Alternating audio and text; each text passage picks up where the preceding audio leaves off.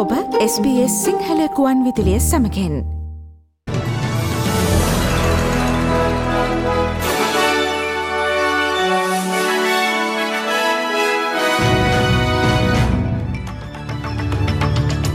මුලින්ම සිරස්තල අග්‍රමාත්‍ය ඇල්බෙනිසි සහ ඉන්දනිසියානු ජනාධිපති අතර පළමු හමුවේදී ඔස්ට්‍රේලියාවෙන් ඉන්දුනීසියාවට පොරොන්දු රැසාක්. ඔස්ට්‍රේලයානු රිසව් බැංකෝ විසින් අධදිනය තුළදී මූල්‍ය අනුපාතිකය තවදුරටත් ඉහළ ඩංගුණු ඇතැයි වාර්තාවේ.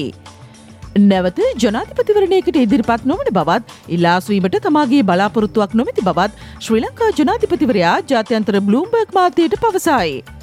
බ්‍රතාානයාගමැති බොරිස් ජොන්සන් තමාට එරහිව ගෙනා දෝෂාපියෝගෙන් ජයග්‍රහණය කරයි. ඔස්ට්‍රේලියයා ශ්‍රී ලංකා ක්‍රිකට් තරඟමාලාවේ පළමු විසයි විසි තරගය කොළබාර් ප්‍රේමදාස ක්‍රීඩාංගනයේදී අද ආරම්භවීමට සියලු කටයුතු සූදානම්.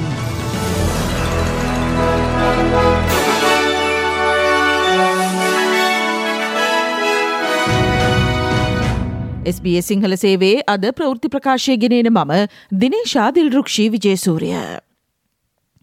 ද්වීපාර්ශික සබඳතා තවදුරටත් ශක්තිමත් කරමින් අග්‍රාමාත්‍ය ඇන්තනි ඇල්බනිසි සහ ඉන්ද්‍රනිසියානු ජනාධිපති ජෝකෝ විඩෝඩෝ අතර පළමු හමුව ජකර්තානුවරදී පැවැත්වින. එම සාකච්ඡාවලදී හරිත තාක්ෂණ ව්‍යාපෘති ආරම්භ කිරීම ඉන්දුනීසියානු සිසුන් සඳහා පශ්චාත් උපාධි ශිෂ්‍යත්ව ලබාදීම සහ ඔස්ට්‍රේලයානු විදේශ කටයුතු සහ වෙළඳ දෙපාර්තමේන්තුවේ අග්නිදික ආසියාවේ කාර්යාලයක් පිටවීම සඳහා ඇන්තනි ඇල්බනිසි තම සහය ප්‍රකාශයට පත් කළේය. තවද ඔස්ට්‍රලියයානුවන් සඳහා ඉන්දුනිසියානු භාෂාව ඉගෙන ගැනීමට අවශ්‍ය අවස්ථා ආරම්භ කරන බවටද අගමති ඇල්බනීසි ප්‍රකාශකොට තිබේ. එය අගනිදිගාසියාවේ සහ ඉන්දු පැසිෆික් කලාපේ සබඳතා ශක්තිමත් කිරීමේ නවරජයේ පුළුල් ප්‍රයත්නයට අනුකූල වනු වෙතැයි අග්‍රමාත්‍ය ඇන්තනි ඇල්බනීසි ප්‍රකාශ කොට සිටියේය. Indonesia is on track to be one of the world's five largest economies. Revitalising our trade and investment relationship is a priority for my government, and it's why we plan to work with Indonesia to realise the potential of the Indonesia Australia Comprehensive Economic Partnership Agreement. Our economic ministers will meet regularly, and we will continue to secure the backing of business on both sides. මේ අතර මෙම වසර අගදී ඉන්දුනීසියාවේ බාලිතූපතේ පැවැත්වීමට නියමිත ජීවිස්ස සමුළුවට රුසියානු ජනාධිපති වලඩ්මීර් පුටින්ද සහභාගීවීමට අපේක්ෂා කරන හෙයින් එය වර්ජනය කරන ලෙසට ඉල්ලීම් පැවතියද තමා ජීවිස්ස සමුළුවට සහභාගී වන බව අගමති ඇන්තනි ඇල්බනීසි තහවුරු කොට සිටියේය. චීන ප්‍රහාරක ජෙට්්‍යයානයක් සහ ඔස්ට්‍රේලයානු නිරීක්ෂණ ගුවන්්‍යානයක් අතර දකුණු චීන මුහදේ සිදුවන සිදුවීම ආක්‍රමටශීලී ක්‍රියාවක් ලෙසට අගමති ඇන්තනි ඇල්බනීසි නම් කර තිබේ. RAAFP8 පෙසයිඩන් නම් වන ඔස්ට්‍රේලයානු නිරීක්ෂණ ගුවන්යානය චීන ජෙට්‍යානයට හසුවන විට එය දකුණු චීන මුහදට ඉහලින් වුණු ප්‍රදේශයේදී දිගුකාලීනව සිදුකරමින් පවතින ජාත්‍යන්තර නිරීක්ෂණ කටයුතුවල නියලමින් සිටි බව අගමති ඇල්බනීසි සඳහන් කොට සිටියේ. P8 ගුවන්යානයෙහි ක්‍රියාකාරිත්වය දශක ගණනාවක් තිස්සේ ඔස්ට්‍රේලියාව විසින් දකුණු චීන මුහදේ සිදුකර ඇති සමුද්‍ර නිරීක්ෂණ ක්‍රියාකාරකම්වල කොටසක් වන අතර අනෙකුත් රටවල්ද ඒ සිදු කරන බවද අගමතිවරයා වැඩිදුරටත් සඳහන් කොට සිටියේය. ආරක්ෂක නිලධාරීන්ට අනුව චීන J16 ගුවන්යානය ඔස්ට්‍රේලයානු RAF P8 පෙසයිඩන් නැමැති නිරීක්ෂණ ගුවන්යානයට ආසන්ඩව අනතුරදායක ලෙසට පියාසර කොට ඇති අතර ඉන් පසුව චීන ගුවන්යානයෙන් කුඩා ඇලිමිනියම් කැබලි අඩංගු මිටියක් ඔස්ට්‍රේලයානු ගුවන්යානය වෙත නිකුත් කොට තිබේ. ඉන් සමහරක් ඔස්ට්‍රේලයානු P8 ගුවන්යානයේ එංජිමටද ඇතුළත්ව තිබෙන බව වාර්තාවේ. ඔස්ට්‍රේලියාව මේ සම්බන්ධව චීනයෙන් කරුණු විමසා සිටියද තවමත් මේ සඳහා නිසි ප්‍රතිචාරයක් චීනයෙන් නොලබෙන බව අගමැති ඇල්බනීසි ප්‍රකාශ කොට සිටියේය. and they were uh, strong representations, as you would expect. Uh, we've also made the public comments, so they haven't been uh, just uh, just quiet diplomacy in this case. They've been strong because we regard uh, the actions of uh, of China in this area as being an, an act of aggression and a dangerous act against an Australian against the Australian Air Force, which was uh, conducting aerial surveillance in accordance with international norms, norms and in accordance with practice that's been long observed. නිවසෞතු වේල්සි සෞඛ්‍ය සේවකයන්ට ඩොල තුන්දහසක ප්‍රසාධදීමනාවක් ලබාදීම සහ රාජ්‍යංශයේ වැටුප් සීමාව සියයට තුන දක්වා ඉහළ දැමීමේ නිවසෞත්වේල්ස් ප්‍රාන්ත රජයේ සැලස්ම වෘතිය සමිති විසින් පිළිගෙන තිබේ. මෙම වසරේ ප්‍රාන්තරජයේ අයවයෙහි කොටසක් ලෙසට මෙය ක්‍රියාත්මක වීමට නියමිතායේ.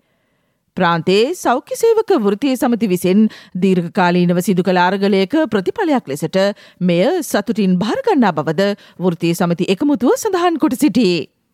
නිවසෞත්වේල්ස් ප්‍රාන්ත රජයේ මෙම සැලැස්ම වෙහෙසට පත් වූ ශ්‍රම බලකායට අස්වැසිල්ලක් වුවද සෞඛ්‍ය සේවකීන්ට නිසි ලෙස වන්දිගෙවීමට තවත් බොහෝ දෙයක් කළ යුතු බව සෞඛ්‍ය සේවා වෘතිය සංගමේ ලේකම් ජෙරාඩ් හේස් ප්‍රකාශ කොට සිටී. Look, I think it's a, uh, certainly a step in the right direction. Uh, effectively, for a health worker who's a cleaner, um, who did receive two years ago $149, they'll effectively, with the $3,000 one off payment, have a 9% increase. Uh, I think that is very good in the short term, but I think there's a longer term game as well to be played here that will recognise real wages through work value, and that's what we'd continue to focus on going forward.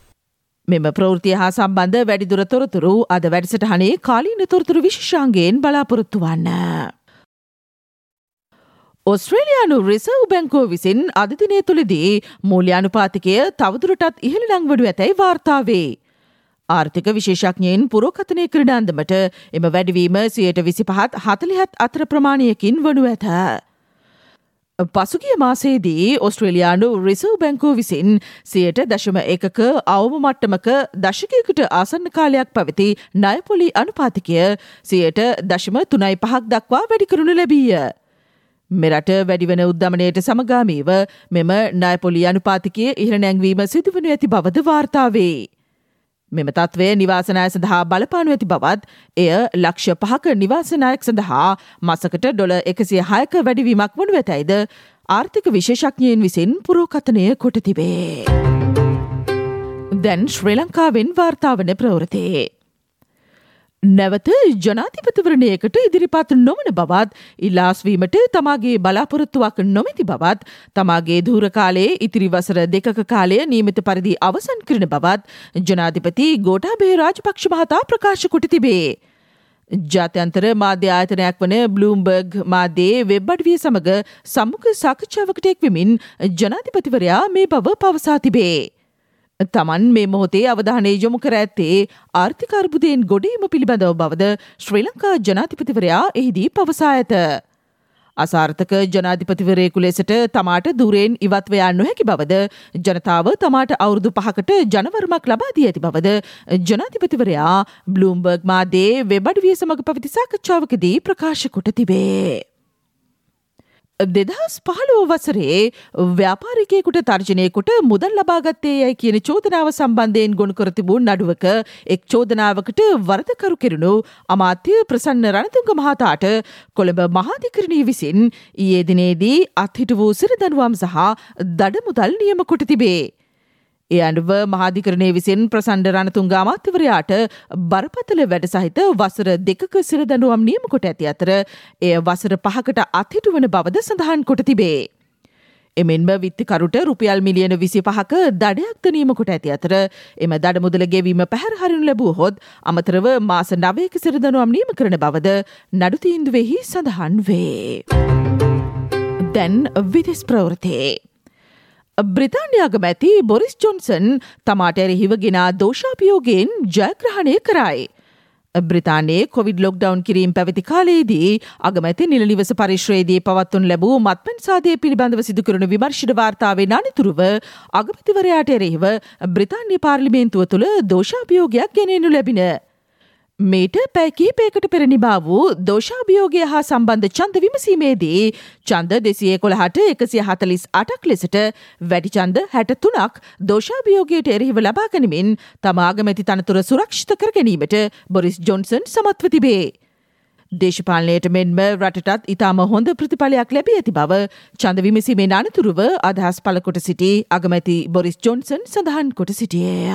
So well, I think this is a a, very good result for, for politics and for uh, for the country. Just in it just I, I do just in, in this sense, I think it's a, a convincing result, a decisive result, and what it what it means is that as a government we can move on and focus on the stuff that I think really matters to people. And of course, I understand that what we need to do now is come together uh, as, a, as a government, as a, as a party, and that is exactly what we can now do. Focus on uh, the stuff that I think the public actually want us to be talking about. ගිනිකොනිතික නයිජීරියාවේ කතෝලික දේවස්ථානයකට එල්ල වූ ප්‍රහාරයකින් පුද්ගලයෙන් පනස් දෙනෙකු පමණ මිය ගොස් තිබේ. මියගිය පිරිස අතර කුඩා දරුවන් සහ කාන්තාවන්ද සිටින බව සඳහන්. තුවක්කුකරුවන් පිරිසක් දේවස්ථානයේ පිටත සහ ඇතුළත සිටි බැතිමතුන්ට වෙඩිතබා ඇති බවද ප්‍රහාරෙල්ල කළ කණ්ඩායම හෝ ඔවුන්ගේ චේතනාව කුමක් දැයි මෙතෙක් අනාවරණය වී නොමැති බවද සඳහන් වේ. ක්‍රීඩා ප්‍රවෘතේ.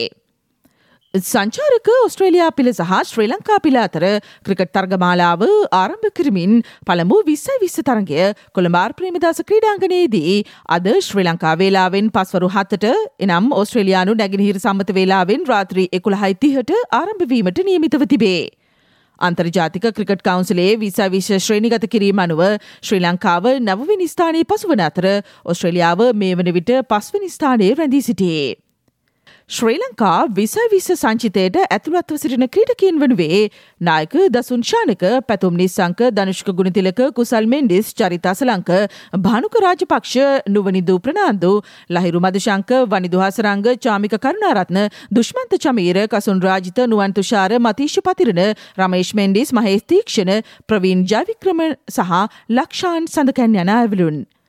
මේ අතර ඔස්ට්‍රේලයානු විස විස සංචිතයට නායක Aaron Finch Sean Abbott Ashton Agar Josh Hazlewood Josh Inglis Mitchell Marsh Glenn Maxwell Jhye Richardson Kane Richardson Steve Smith Mitchell Starc Marcus Stoinis Mitchell Swepson Matthew Wade David වෝනය යන අයවලු නැතුළත්.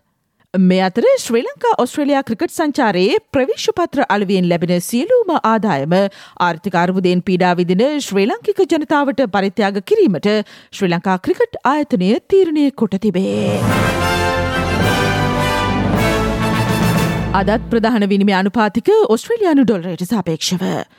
ඇමරිකානු ඩොල ශත හැත්තෑ දෙකයි බ්‍රතාාන පවම් ශත පනස්සටයි යුරෝෂත හැට හතයි ජපන්නේ අනු හතර ශතානු නවයයි ශ්‍රී ලංකරුපයල් දෙසි හැටයි ශත විසිතුනායේ. ඔස්ට්‍රේලියාවේ ප්‍රාන්ත සහ ටෙරටරිවල අගනගරාශ්‍රිතව අද කාලගුණේ වාර්තා වන්නේ මේ අවරින්. පර්ත්වලට බොහෝදුරට ආලොකමත් දවසක් අංශක විසේකයි. ඇඩ්ලේඩ් වලට කඩින් කඩ වැසි අංශක පහළවයි. මෙල්බර්න් වලට වැසි සහිත දවසක් උෂ්ණත්වය අංශක කොළහයි හෝබාට වලටත් සමාන තත්වයක් වැසි සහිතයි උෂ්ණත්වය සෙන්ටිග්‍රේඩ් අංශක අටයි. කැන්බරාවලටත් කඩින් කඩ වැසි සෙල්සියස් අංශක අටයි අද උෂ්ණත්වය. සිඩ්නි වලට බොහෝදුරට ආලොකමත් දවසක් උෂ්ණත්වය අංශක දාහතයි බ්‍රිස්බේන් වලට තරමක් වලාකුළු සහිතයි අංශක දහනවයයි. ඩාවින් වලට බොහෝදුරට ආලොකමත් දවසක් සෙල්සියස් අංශක 34 උෂ්ණත්වය. ශ්‍රී ලංකාවේ කොළඹ ආශ්‍රිත ප්‍රදේශවල අද කාලගුණේ වාර්තා වන්නේ සෙන්ටිග්‍රේඩ් අංශක තිහක උෂ්ණත්වයක් අපරභාගයේදී ගිගුරුම් සහිත වැසි ඇතිවන දිනයක් ලෙසෙන්.